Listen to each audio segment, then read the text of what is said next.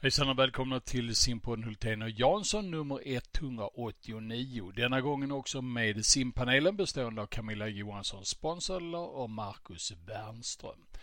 Ja, där snackar man om eh, till exempel eh, tankar efter OS i Tokyo. Vi diskuterar också vem som ska bli förbundskapten i simning eh, när eh, Ulrika Sandmark lämnar för att bli sportchef för simförbundet. En överraskning kanske, tycker en del. Kolla in vad simpanelen säger. Nu kör vi nummer 189. 189. Nu ska vi snacka simning. Ja, om de gör det bättre, det vet jag inte, men de gör det oftare. Det är ju omänskligt. Ja, men det gör vi Bosse, vi trummar på. Simpodden, Hultén och Jansson. Hej och välkomna till simpodden nummer 189. Simpodden Hultén och Jansson med simpanelen som har inträffat i detta nu. Camilla Johansson, hur är läget med tennisarmbågar, alla knän och ditt liv i Norrland? Eh, jo men det, ja, det är ju bara att kämpa på. Jag tänker på eh, vad Sara Sjöström lyckades med i somras. Så att eh, det får vara min inspiration. Mm, Eh, sen är det ju, ja, sen är det ju mycket att göra för att eh, vi hastigt lustigt blir av med våran nio simansvarig. Så att eh, nu håller jag lite nio simning också. Okej, du är simtränare helt enkelt. Ja. Mm. Ja, kan, har du någonting att ge som simtränare? Ja, det har jag väl hoppas jag. Jag har Mm. ju ganska gedigen utbildning och har jobbat rätt mycket med eh, simträning också. Men eh, ja, det blir lite spännande att göra det. Ja. Marcus Wernström, terminen har startat på sim och triathlongymnasiet, eller triathlongymnasiet heter det väl egentligen, i Motala. Hur eh, känns den här terminen då? Jo, men det känns bra. Det är spännande. Eh, vi har inte tappat så många tänkte jag säga. Vi har istället två stycken övervintrare och det, det är väl ett gott betyg till, till verksamheten att man väljer att bosätta sig i Motala och träna kvar med gruppen. Eh, Mm. och sen har vi ett spännande gäng på vägen in. Eh, utmaningen just nu är ju att jag står ju på två ben som alltid tänkte jag säga, men just nu så är ju utmaningen att jag att vi försöker få igång simklubben igen, ha en uppstart där. Eh, Samtidigt som triatleterna är eh, mitt i tävlingssäsong. Där sköts man ju på allting så vi har fortfarande eh, tävlingar kvar i Sverige och några ska ut internationellt. Så det, ja. Det är båda delarna. Starta upp och runda av. Mm. Jansson, du håller på att planera för bassängbyggande i Filipstad och är engagerad i detta. Hur- Hur går det? När, när har ni vatten i bassängen? innan jul 2023 hoppas jag.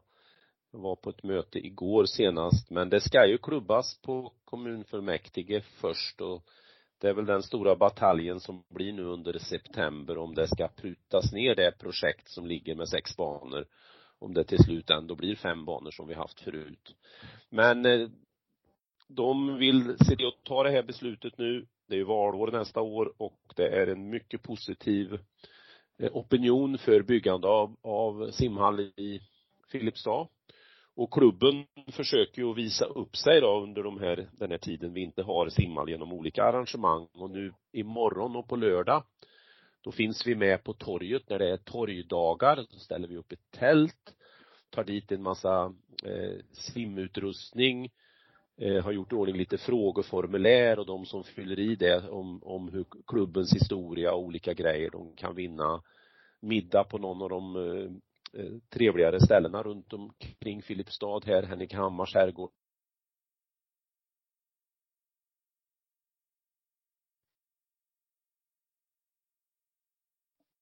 Där tog det slut. Ja, du, du, du, man kunde vinna priser på Henrik Hammars trädgård och så vidare, Thomas. Ditt ljud försvann. Om du tar bort bilden och fortsätter snacka så ska det väl kunna gå bra. Här, eh, ja, Henrik Hammars herrgård heter det förstås. Eh, och eh, eh, och en del andra restauranger som vi, vi, vi får middag på. Så att eh, det blir lite kul då att se om, om vi får snacka mycket simning eller ej under de här två dagarna. Men det tror jag. Folk Mm. gillar simning. Mm, mm, bra. Du, eh, OS i Tokyo börjar liksom försvinna bort i fjärran. Eh, ska vi säga någonting mer om eh, eftermälet därifrån? Har det smultit in i din hjärna, Thomas, eh, vad som egentligen hände i Tokyo? Ja, både och. Å ena sidan så liksom har det bara försvunnit. Det blev liksom som en liten parentes där under, under sommaren trots att det är ett sånt stort evenemang. Eh, men å andra sidan så är ju känslan fortsatt densamma som, som jag hade under och efter att den svenska truppen fick till det väldigt bra. Eh, inte hundra procent, men det är ju ganska sällsynt kanske, men de fick till det bra. Eh, grymt imponerad utav eh, systrarna Hansson till exempel. Sara förstås, eh, men det kommenterar många så mycket så att det ligger jag lite lågt med istället för att det är lätt att glömma bort alla de andra prestationerna i, i skuggan utav Saras framfart så Nej men det, det var, eh, om man tittar på Alltså det var ju ett bättre OS, tycker jag, än 2016. Och då, klart, då säger någon, ja men herregud, då tog vi ju tre medaljer. Hur kan det vara bättre? Ja, men truppen 2016 simmade ju inte riktigt lika starkt som enskilda simmare eh, mot vad de gjorde nu. Eh, och vi hade fler finalplatser och fler personer som simmar finaler så att, ja, jag, jag tycker det var bra ja. Eh, däremot så avslöjar det ju det stora, stora gapet mellan några få duktiga landslagssimmare och övriga nivån i Sverige den, det gapet ökar nu. vi är inne på 56 året där det ökar. Och, och det, det innebär ju att vi kan ju inte luta oss tillbaka och säga att vi har ett koncept som funkar i Sverige, för då skulle bredden simma betydligt bättre. Mm. Var, var, var, eh. varför, varför ökar detta gapet? Har du något svar på den frågan? Nej, nej det är ju, det är ju som oftast, oftast med komplexa frågor, att det är många olika ingångar i det. Men ehm, det, det är väl kanske en, en, en, egen punkt, men vi kanske ska klara av OS först. Nej, jag har inget direkt svar så. Jag har nog många funderingar. Mm. Camilla, eh, dina känslor efter olympiska spelen i Tokyo? Nej men jag håller med Thomas att jag tycker att de gjorde jättebra insats eh, överlag, eh, svenska laget. Eh, och eh, de håller ju väldigt bra nivå. Eh, man hade väl önskat att eh, Sofie hade kunnat få till det till och med lite till och få den där medaljen som hon förtjänar på 100 brösten, tycker jag. Hon simmade ju fantastiskt bra. Eh, Louise var superduktig. Ja, de flesta simmar ju väldigt, väldigt bra. Det var ingen som så här direkt misslyckades liksom. Och det, alltså OS är ju jättestort. Det får man ju inte glömma bort att det är en helt annan sorts tävling att åka till. Det är inte lätt att åka till OS och prestera bra där. Det är ju inte självklart. Mm. Marcus? Ja, eh, jag var ju, jag berömde ju de här tre medaljörerna på EM.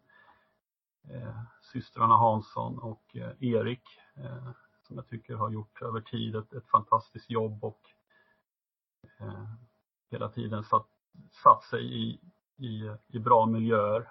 Och eh, det är ju de tre nu som också simmar varsin OS-final. Eh, det får vi inte glömma bort hur stort det är. Eh, det är inte så många svenska simmare som har gjort det. Vi, är duktiga på att rabbla våra medaljörer genom åren va? men eh, det är inte jättemånga som har simmat en individuell OS-final så de gör ju det fantastiskt bra. Och nu är det tre år till nästa gång. Kan de ta ett kliv till? Jag tror Sofie absolut kan hitta den där, vad som kommer krävas. En sekund, jag vet inte. Louise på gång också. Eh, Erik däremot, har han nått taket? Jag vet inte. Han behöver också hitta två sekunder på två år. Jag hoppas att miljön i Norge eh, kan hjälpa honom där. Men eh, där är jag mer tveksam. Men eh, systrarna ser ju fantastiskt ut. Mm. Eh, när det gäller de här eh, se och lära-biljetterna så är det svårt att tycka någonting. De, de var ju faktiskt där och och lärde förhoppningsvis. Eh, Robin Hansson och Björn Seliger och vem har vi mer? Emily Fast. Sara Eh, Junevik. Sara Junevik. Sara Junevik, ja. Eh, Så de har ju Och gjort egentligen också Viktor Johansson. Viktor, ja, Mm. absolut. Och sen har vi då Sara då, ett eget kapitel och istället för att prata om Sara och hennes bedrift så skulle jag vilja lyfta när samarbetet med stödorganisationen SOK funkar som bäst så är det här ett jättebra exempel. Eh, för hur hittar man en toppsjukgymnast på dagen som har tid att hjälpa då Sara i det här fallet dagligen i ett halvår på vägen fram. Mm. Eh, det går inte att betala ens en sån person utan det, det finns inga toppsjukgymnaster som går arbetslösa. Men där fanns det i SOK i, i eh, Jörgen Sandberg som har varit, tror jag, en otroligt bra hjälp i eh, rehaben för Sara. Tillsammans då med ja, hela, hela Saras team. Mm, det är mycket team bakom de här simmarna. Det är mycket stödorganisationer. Det är inte bara simmaren själv och en tränare utan det, det är minst eh, en handfull människor till som står bakom varje simmare. Jansson, vad, vad, säger du? Nej, men det var ju en, en väldigt fullödig eh, sammanfattning du gör, Marcus, där och eh, inspelet där kring stödorganisation och så, det är ju, det tycker jag eh, kanske ännu mer borde ha kommit fram under, under Saras resa, även om, om man har gjort försök. Men, men det jag tänker och som jag tycker för mig är en smolk i bägaren lite grann, eh, det är ju inte, nu hoppas jag att jag sitter med rätt information, att inte det har varit en hundraprocentig satsning på hundra rygg för Michel Kohlman under de senaste två åren. Eh, känslan är ju att den, att det har varit ändå ett sidospår mest för henne och att det har simmats frisim. Och ska man då titta på att kanske ta en medalj på ett OS för hennes del och för Sveriges del i lagkapp så är ju, är vi ju i princip nästan etta i världen på tre sträckor. Det är alltså ett unikt tillfälle. Så att om nu Michel fortsätter till 2024, det är ju väldigt, ja det är ju inte så lång tid kvar. Vi är ju en bit in på år två redan. Då hoppas jag att det är som ryggsimmare, ryggsimmare och ryggsimmare på längden och tvären på varenda tävling hela tiden för att ta en och en halv sekund. Eh, vilket är fullt möjligt tror jag för, för hennes del. När det gäller Erik Persson vill jag kommentera, jag tror visst han kan simma fortare. Han har ungefär tre tiondelar till fyra tiondelar i, i tre vändningar. Gånger tre. Han har likadant i och med att när han kommer i vattnet och ska upp till 15 har han också ytterligare tre, fyra tiondelar.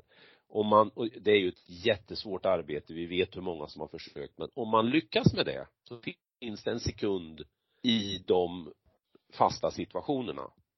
Och, och ehm, då får man försöka hitta nycklar för att hitta en sekund till i, i, i själva simmandet av bröstsim. Så att, ehm, ja det är spännande, ett spännande lag vi har på toppfront och, och, och de här äh, simmarna som var där, äh, se och lära, så är det väl svårt att inte säga annat än att vi kan se framför oss att en Björn Seliger efter ett par år borta i USA och Robin likadant, att de mycket väl kan vara med och slåss om finaler och, och så på ett OS. Så att toppdelen i Sverige ser, ser bra ut. Marcus, när, när, när du tittar ut över världen, tittar eh, utanför de svenska eh, domänerna när det gäller olympiska insatser, vad slog det dig då som eh, var lite speciellt den här gången? Oj, massor. Eh, jag Ja. tyckte det var jättehäftigt med OS. Eh, men jag har gjort en eh, trepunktslista. Mm. Det är det vi vill ha. Det är, Ja. det, det är säljbart. Ja. Och eh, utan inbördes, inbördes ordning då så har jag skrivit upp en amerikansk simmare. Och då tänker alla Dressel. Han har ju liksom tagit simningen till en ny nivå. Men det gjorde faktiskt en annan amerikan också. På längre sträckor. 8 500 meter. Den här Robert Finke. Mm. Han avslutar 800 på fantastiska 26.39 sista längden. Och då sitter man ju bara och gapar och så går det någon dag och så avslutar han 1500 frisim på 25.78. Det är att ta simningen till en ny nivå. Hur är detta möjligt? Hur är detta möjligt, ja. Mm. Jag vet inte. Eh, svaret finns Jo. väl i, i Florida någonstans där han är verksam. Mm. ett, ett delvis svar, om, om jag får flinka in det på en, en punkt, på din punktlista. Eh, det jag tycker blir tydligare och tydligare under de sista mästerskapen nu, det är ju att alla simmare på de längre distanserna, även på de kortare, simmar väldigt disciplinerat. Alltså att man nyttjar verkligen taktiken fullt ut och, och behåller lugnet. Och eh, nämnde amerikan är ett väldigt bra exempel på det. Han smyger sig ju verkligen in i loppen för att, in, för att eh, inte riskera att vara på fel sida i, i, eh, på mjölksyretröskeln till exempel. Så det är ju ett litet svar varför han också har kräm kvar på slutet. Mm. Du hade fler punkter, eh, Marcus. Eller Camilla, du, Camilla har ett inlägg. Mm. Ja. Nej, jag tänkte bara lägga in det för att en sak som slog mig under OS, det var just det här att den, eh, det straffade sig nästan alltid de som vrålade ut och sen dog och inte, inte riktigt höll loppet. De som verkligen satsade. Eh, sådana satsningar har ju förr kunnat hålla hela vägen. Men det gick nästan inte vägen under OS den här gången. Och det är precis, precis som du säger Thomas, att det var mycket mer disciplinerad simning. Eh, man la upp eh, loppen mycket, mycket smartare och man hade mer krut kvar i slutet. Eh, det var inte längre så att om du var först i vägen vid 50 på en hundring så vann du loppet. För det har ju varit en slags sanning eh, tidigare.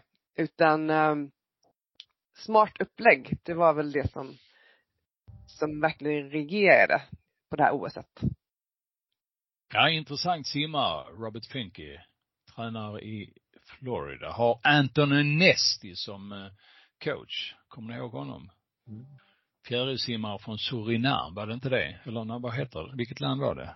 Är det, sa jag fel nu? Eh, kanske inte Surinam, men nå, någon, Fjärilsim var rätt. ja, fjärilsim var rätt. Ja, det, det var en, ja, det ska vi ta reda på var han kommer ifrån. Eh, ja, mer på listan där, eh, Marcus. Ja, eh, Italien. Idrottslandet Italien. Eh, jag vet, de har en hög folkmängd, men eh, som sagt var, de har ju haft ett otroligt idrottsår i stort. Ja, det börjar egentligen i våras, man vinner EM i sång. Eh, och sen eh, tar man hem fotbolls-VM. Och sen tar man några riktigt fina skalper under OS, några riktigt eh, prestigeguld, alltså löpning 100 meter. Och eh, jag tycker de imponerar i simbassängen också. Eh, man stressar USA på 4 gånger 100 frisimherrar till exempel. Eh, de tar väl även medalj i medleylaget i frisim. Och de har en otrolig bredd. De har distanssimmare, de har duktiga bröstsimmare. Ja, jag är imponerad av Italien och jag är ingen Italienkännare så och vet inte vad de gör, men min känsla av att är att de tränar. Mm. Att de har en riktigt bra träningskultur, att man eh, vågar utmana, simma skiten ur varandra tänkte jag säga. Eh, jag var ju nere i Calais, det här måste ju varit 2019, 2018 och eh, hade då, ja, det italienska landslaget var på plats där så jag såg ju vad de gjorde dagligen och bland annat de här sprintherrarna. Och eh, det var inget fil i det där inte, utan passen bestod av att man utmanade varandra. Eh, ja, hela vägen fram till sista passet. Då hade man ett skojpass och även det gick ut på att man tävlade mot varandra. Eh, och jag tror att både på gott och ont så saknar det här landet lite, lite struktur. Eh, och eh, på gott är det ju att du får ju chansen. Det är liksom ingen som kommer med pekpinnar. Älskar du fotboll så får du spela fotboll sju dagar i veckan. älskar du simning så får du simma fullt ut. Eh, det finns liksom inga pekpinnar där. Eh, utan man tränar och man, man erbjuds möjligheterna. Eh, sen kan det här landet säkert bli ännu vassare och skarpare med lite struktur och vägledning. Mm. Det tror jag. Men punkt nummer två, Italien som idrottsland 2021. Mm. Får, får, får, jag bara göra en liten kommentar där? Jag, jag har en del eh, kontakt med italiensk simning, den italienska juniorkaptenen och jag, vi, vi är kompisar sedan många år tillbaka. Och han eh, trycker väldigt mycket på att eh, deras, ska vi säga, tuffa tid under coronan initialt eh, gjorde att hela landet på något sätt blev eh, väldigt sammanbundet och fick något gemensamt mål för första gången på många, många år. Och det har smittat av sig väldigt mycket på idrotten. Man har blivit ett lag. Inte bara som simmare, och som idrottare, utan som land. Och det, det har betytt väldigt mycket, vad jag förstår. Och sen så sökte man verkligen eh, man sökte verkligen eh, sätt att lösa träningsproblemen under coronatiden det var eh, primärt. Man verkligen jobbar för det. De, de har tränat på de mest obskyra eh, vattenarenor som finns i världen. Så att, eh, och de har inte gett sig alltså. Ja. Marcus, fortsätt. Ja, eh, mer, fler nationer. Det är svårt att inte ha en lista och inte få med då giganterna eh, USA och Australien. De tar alltså hälften av alla, alla simmedaljer på OS. 30 medaljer i USA, Australien 20. Det är man eh, överlägsna på. Eh, och det är stora simländer men, men, samtidigt så går det ju att hitta hål. Eh, tänker eh, USAs miss på 4x200 frisim där, när man bara blir fyra. Eh, det måste ju kännas. Jag tror man missar en medalj också i en mixlagkapp, men det kanske var mer av taktiska skäl. Eh, man fick inte till eh, herrarnas bröstsim. Det finns säkert fler hål va, men ändå 30 medaljer är ju ett utropstecken. Och eh, Australien som är på gång igen. Framförallt på, på damsidan. Och har nu både damer och herrar. Och plockar medaljer. Mm. Rätt. Camilla, du eh, tittar en del på OS också? Slog ja, jag, jag följde OS ganska noga. Eh, eller jag tittade på alla pass. Det är ju så himla himla kul att få se simning igen eh, efter allt uppehåll. Eh, och jag måste ändå säga att jag var väldigt imponerad av att, att man lyckades så bra på det här mästerskapet. Sen, sen ser man ju att eh, jag tror att eh, resultatlistan har sett annorlunda ut om man har simmat försök i final. Som vi brukar göra. Eh, förmiddag, eftermiddag. Jag tror att en del favoriter föll till exempel på grund av det här formatet som man inte är van vid att eh, behöva ta i så mycket på förmiddagen eh, som man behöver göra i en final. Eh, och en del var inte riktigt vakna.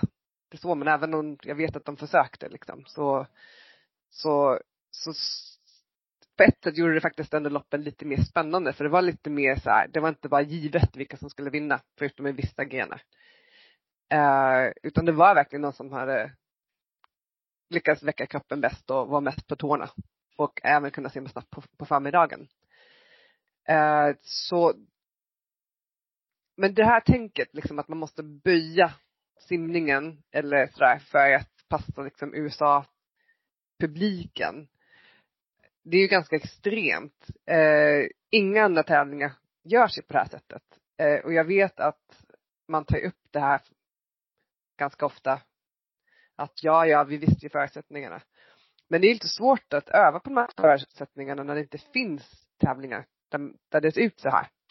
Förutom OS. Det var ju liksom första gången som man kör så. Det, det är liksom inte, ja. inte, Nej, inte ens uttagningstävling. Det var ja. ju Beijing likadant. Ja. Då körde vi också final på förmiddagen och försök på kvällen. Precis. Eh, och som sagt, det finns ju inga andra tävlingar att öva på. Det var ju de här två OS som har gått som har sett ut så här. Eh, och, och, det är klart att det påverkar. Även, man kan säga att man har tränat på det men, men det gör det ändå. För att i allt annat som man gör så är man ju primad att liksom simma bra på eftermiddagen. Så att, ja, det blir ju tufft att eh, vända om det där. För det. Mm. Um, så det var väl en reflektion som jag hade att den det känns kanske lite orättvist mot idrottarna att man faktiskt gör så här stora förändringar i ett upplägg som bara för, för liksom en tv-publik. För ett land. Känns um, lite märkligt ja. Ja, ja. mer eh, känslor efter OS? Nej men det var just det här att jag tyckte att, att simmarna var väldigt, eh, de, är, har varit mycket, mycket bättre på upplägg. Att man sköter verkligen detaljerna mycket. Man ser inte så mycket slafsig simning. Inte för att det var mycket sånt på OS innan heller. Det är ju väldigt duktiga simmare som kommer dit självklart. Men, men det är väldigt disciplinerat, precis som du säger Thomas. Eh, och genomtänkt. Det är som att man har lyft simningen ett snäpp och blivit lite mer, ännu mer professionalistisk runt det liksom. Mm. mm. Ja. Eh, dags att skicka in eh, olympiska spelen i eh, minnenas skattkammare kanske. Notera att Anthony Nesti verkligen kom från Surinam också, ska sägas. Eh, vi har andra mästerskap framför oss. Eh, under hösten här har vi två kortbanemästerskap och det är fantastiskt att man fick till nu så att vi verkligen får två eh, kortbanemästerskap eh, samma säsong. Eh, helt otroligt.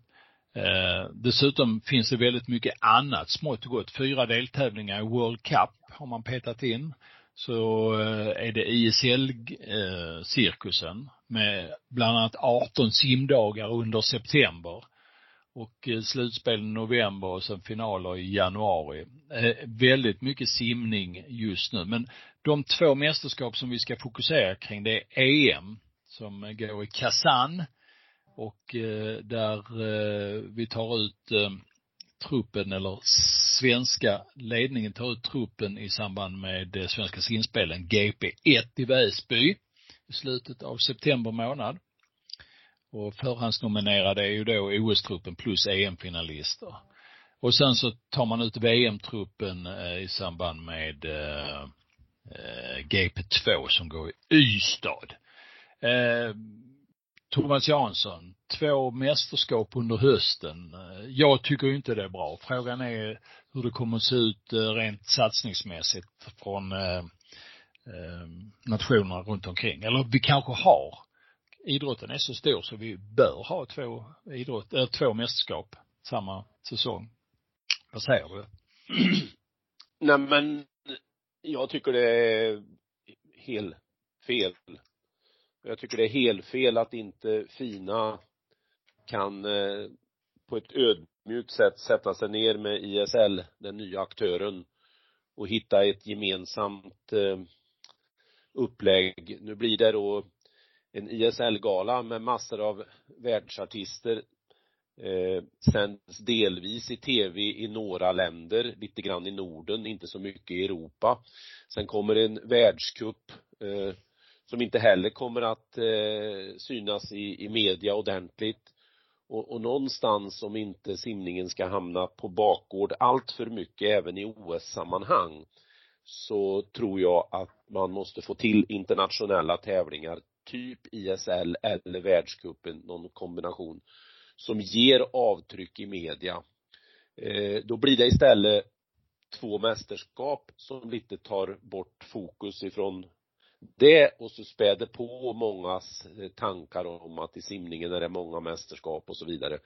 Eh, trots att vi inte har fler mästerskap än friidrotten, men det är en annan historia. Så att nej, jag, jag, jag tycker att man har det är ett totalt misslyckande från internationella simförbundets sida i, när det gäller att hantera den här uppstickaren ISL. Mm. Camilla, dina känslor inför den rätt maffiga simhösten vi har här internationellt. Och sen så ska vi ju lägga till en, ett svenskt program också naturligtvis, men det är en helt annan fråga. Vad tycker du? Ja, jag tänkte faktiskt ta det i ändan att eh, det är ju väldigt eh, maffigt att komma igång med alla de här tävlingarna på internationell nivå. Men på nationell nivå så är det fortfarande ganska stilla. Det är ju några stora tävlingar som går men, men de lokala tävlingarna, i alla fall här uppe i Norrland, har ju inte riktigt kommit igång. Ehm, så det blir lite intressant att se Ja, alltså det, det är som att det blir väldigt, det, som du pratade om tidigare Thomas, det är ett väldigt stort gap mellan um, resterande simsverige och de här som nu är iväg och tävlar på ISL och landslagssimmarna. Um, de, de har lite andra förutsättningar, de är redan igång medan eh, vi står fortfarande på något sätt lite grann i startgroparna i övriga Sverige att komma igång och starta igen. Eh, så när man tänker på alla de här tävlingarna så undrar jag också lite grann vilka som ska åka, vilka är redo? Eh, speciellt i Sverige. Förutom de topp, toppskiktet som har varit igång länge. Så det blir nog intressant att se vad vi kan väska fram. Kan man vaska fram eh, simmare från Motala? Ni vann ju SM i lagkapp här. Visserligen eh, inte i bassäng utan eh, utomhus, men eh, det ska vi gratulera till den framgången. Fyra gånger 1250 fritt i open water. Vad kan komma mer av eh, Motala i framtiden? Blir det open water eller ja, blir det bassängsimning? Alltså vi Jag har ju en, en eh, Ja, bra fråga. Men eh, vi är, en, vi är en väldigt liten klubb eh, och eh, det handlar om att få ihop en generation och göra, göra en resa. Och det är ju jättekul. Vi kommer, vi kommer ur pandemin och levererar på en nivå som vi absolut inte hade när vi gick in i den. Men det handlar ju lika mycket om att vi var framme med en generation och vi hade ju säkert fått Eh, synas redan förra året. Och det här är ju det, det hårda med att vara verksam i en, en liten klubb, att det öppna fönstret när man är framme då med SUMSI-medaljörer, JSM-medaljörer och ja, även SM det fönstret är så litet, pratar två år kanske, som man får ha ett litet gäng innan de börjar vidga vyerna. Eh, vi hade ett lagkapslag på killsidan på, på SM här till exempel. Det har vi inte haft sedan 2013. Men redan nu den här hösten så har en av grabbarna då eh, lämnat Motala för universitetsstudier. Så det, ja, det är tufft men det är så jäkla kul när man är framme där med ett, med ett litet gäng som man har jobbat då fem, sex år ihop med. Mm. Thomas? Nej men några andra reflektioner kring det här med EM, VM. Eh, det blir ju, ja dels kan man ju notera att eh, Len har inte förstått att eh, det 2021 ska vara lika alltså samma distanser för herrar och damer. Så på EM är det 800 för damer och 1500 för herrar. Det känns ju mossigt i överkant. Sen har jag noll förståelse och tro på att kvaltider behövs. Ja, ja, ja, om man tittar på, om vi säger att man har ett gäng simmare som är 15-16 år i en grupp. Menar du eh, kvaltider? Kvaltider till att Sverige sätter upp kvaltider för att ta ut en trupp till EM. Mm. Ja. Eh, vi har delvis varit inne på det. Jag tänkte utveckla det från en, en liten annorlunda horisont här. Eh, ett, ett gäng 15, 16, 17-åringar som då har möjlighet att kvalificera sig. Eh, så uppstår det då ett antal kvaltävlingar och så sätts det upp ehm, eh, kvaltider som man då ska matchas mot. Och så sitter då tränaren där med ett gäng simmare och, och man då bryter ner varje simmares nuläge, alltså vad har de, vad ska de förbättra i de olika momenten, så blir listan på varje simmare kanske 15-20 punkter. Och så helt plötsligt så ska man ett par månader senare jaga en, ett, ett resultat. Och då innebär det att det blir aldrig ordentligt fokus på att strukturerat åtgärda de här olika sakerna. Då behöver man ha en, en längre plan över flera år och då blir de här, den här jakten på landslagsplatser inte det man egentligen vill att det ska bli för då paketerar man in alltihopa och så gäller det att vara i form om, om några månader igen och sen när man har avverkat det, ja om några månader då ska det tas ut till sommarens sommarens e, e, EJM och så vidare och så vidare. Hela tiden en jakt på detta istället för att tänka från andra hållet. Jag ska ta tre, fyra år på mig att utveckla de här olika sakerna. Det innebär att jag lägger lite det här resultatet som är om tre månader åt sidan för jag vill istället ha utvecklat de här om det är tekniska grejerna eller om det handlar om mentala grejer eller om det handlar om fysiologiska kapaciteter. Där tror jag inte en sekund på det här systemet som vi har. Och kanske det är ett svar på, ett, en av svaren på att eh, vårt koncept inte håller, därav är bredden inte tillräckligt bra. Det är ni! Camilla, det, det, det här tycker ja, du jag någonting om? Ja, precis. Jag har ett instick här. För att jag håller med dig Thomas. För att jag tänker att Sara Junevik är ju ett typiskt exempel på det här. Att under hela året, speciellt våren, så jagar, jagar, jagar, jagade hon den här tiden för att komma med i OS-laget. Och hon lyckades ju faktiskt trycka ner sig på en fantastiskt bra tid med 54. Men det blev ju liksom målet, att klara den här tiden. Inte att prestera bra på OS. Så när hon väl kom till OS, då förstår jag också att det fanns ju ingenting kvar i tanken. Hur skulle hon kunna prestera bra där? Det, det var ju orealistiskt att hon skulle kunna göra någonting bra där. Och det blev ju inte så bra för henne där. Eh, och jag tycker det blir liksom lite fel fokus. För att det var ju ändå på OS man ville hon skulle prestera. Eh, och sätter man upp då kvaltider, då blir det ju en jakt på att klara kvaltiden, inte en jakt på att bli duktig på EM eller VM.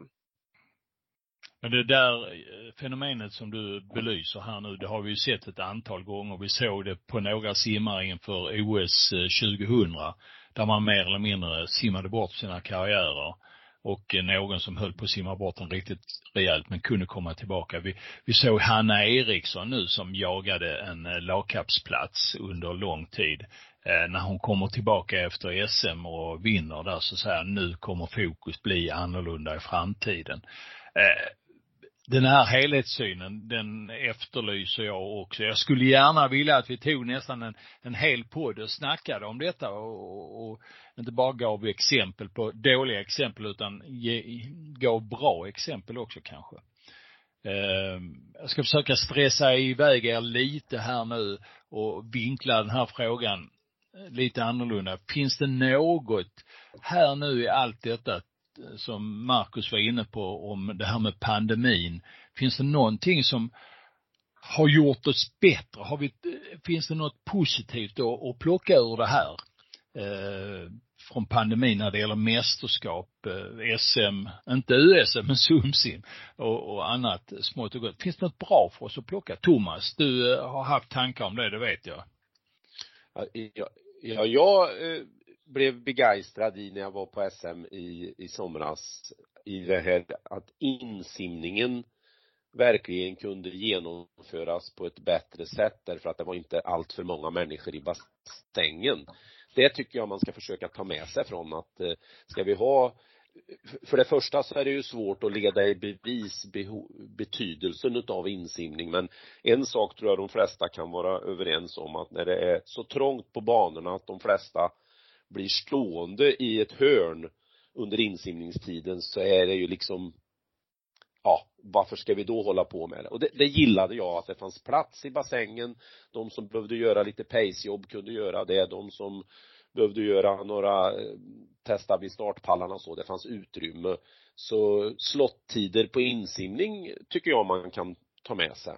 Mm. Eh, jag fick också känslan av att eh, det här när man delade upp eh, som man har gjort med damer och herrar och så vidare, att det också gav ett lugnare flöde för simmarna, att de simmade kanske lite färre lopp men eh, hade då möjlighet att prestera lite bättre. Så att visst finns det det att ta med sig. Och det sista jag vill säga kring just pandemin, det är att eh, man behöver inte bli så stressad om det inträffar något, om en eh, att, som bryter mönstret i vardagen. Det finns möjligheter att göra på lite annat sätt ofta. Marcus, dina eh, känslor efter det här med pandemin, är det någonting positivt att ta med dig till dina två idrotter från detta?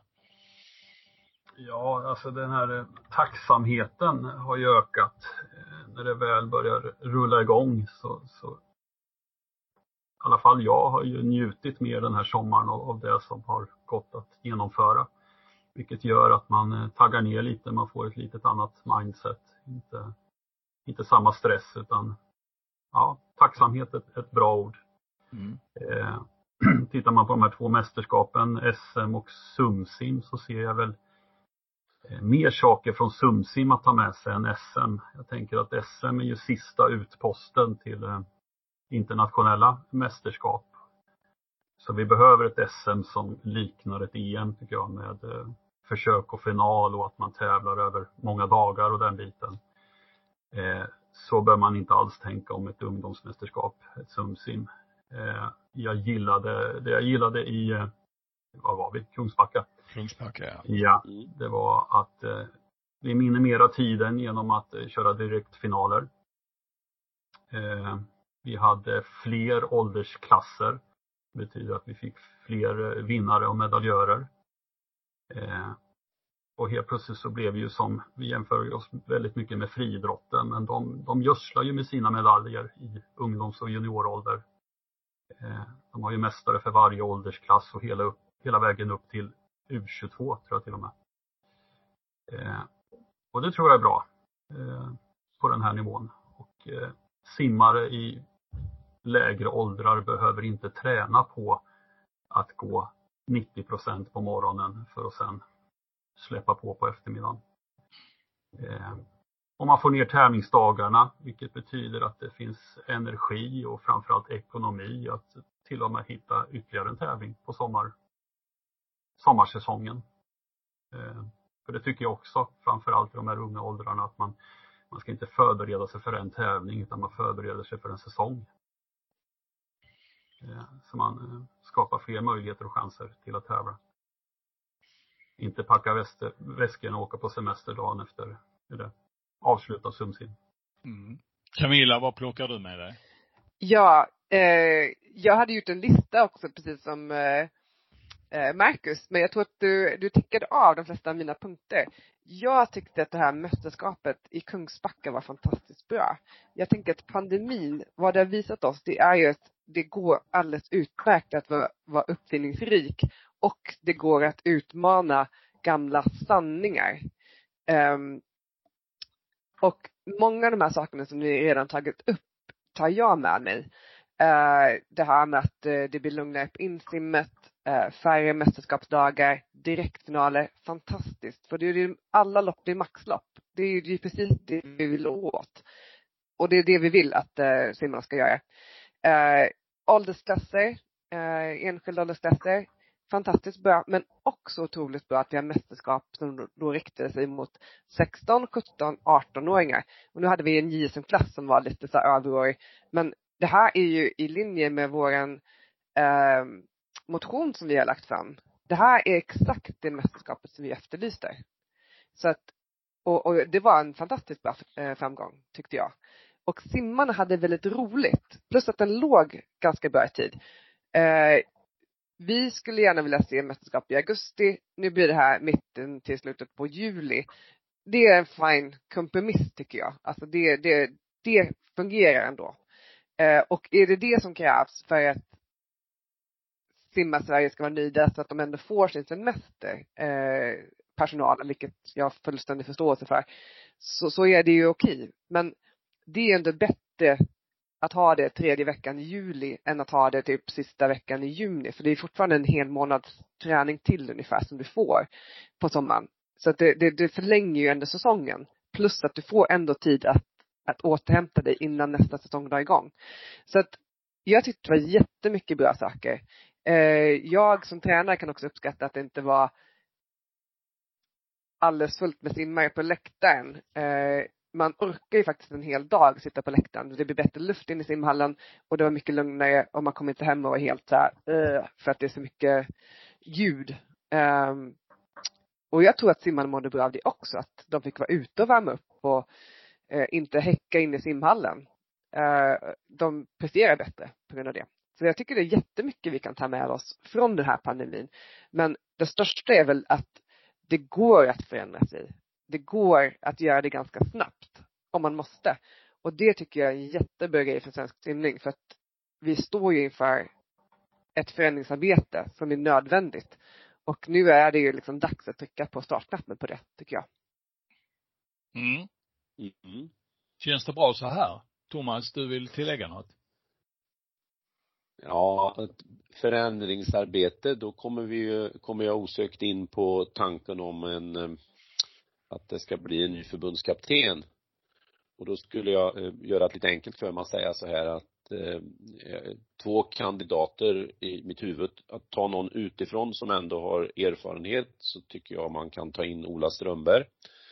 Och ta någon internt tycker jag man kan ta Martina Aronsson som har en gedigen erfarenhet i OS och VM-miljön och sen har jobbat med lite annat. Så har vi lagt lite, har jag lagt lite ved i brasan på ny förbundskapten. Mm. Vill ni bidra till att elda i den brasan, Marcus och Camilla, eller väntar ni till nästa gång? Ja, jag spar nog på mina, mina namn tror jag. Jag måste nog fundera lite. Mm. Men Ja, jag, tror, jag tror att det är viktigt att, eh, att rollen finns kvar. Mm. Eh, Så att man inte dribblar bort den nu i, i processen. Mm. Det är klart att en, en, en så stor idrott som, som simning i Sverige ska ha en förbundskapten. Camilla? Nej, jag, eh, ja, jag gör som Marcus, jag sitter och suger lite grann på mina tankar. Men eh, frågan är ju vad man vill ha mest. Vill man ha en tränare till förbundskapten eller vill man ha en organisationsledare? Så att det avgör ju vilken sorts kandidat man kan tänka sig. Nu får vi en sportchef i Ulrika Sandmark också.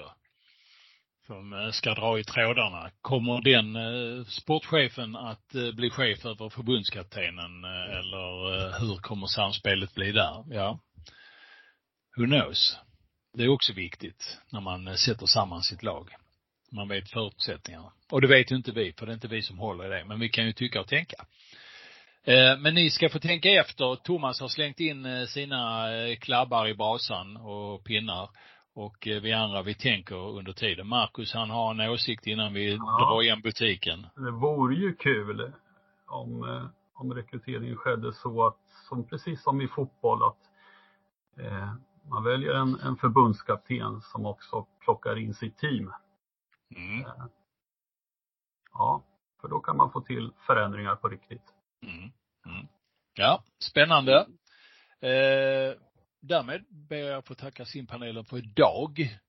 Vi har hållit på i tre kvart och eh, nu är vår tid ute. Ni får tillbringa resten av dagen, ni som är lyssnare, med att eh, tänka simning på annat sätt. Eh, vi tackar för oss och eh, säger hej och tack. Nu ska vi snacka simning.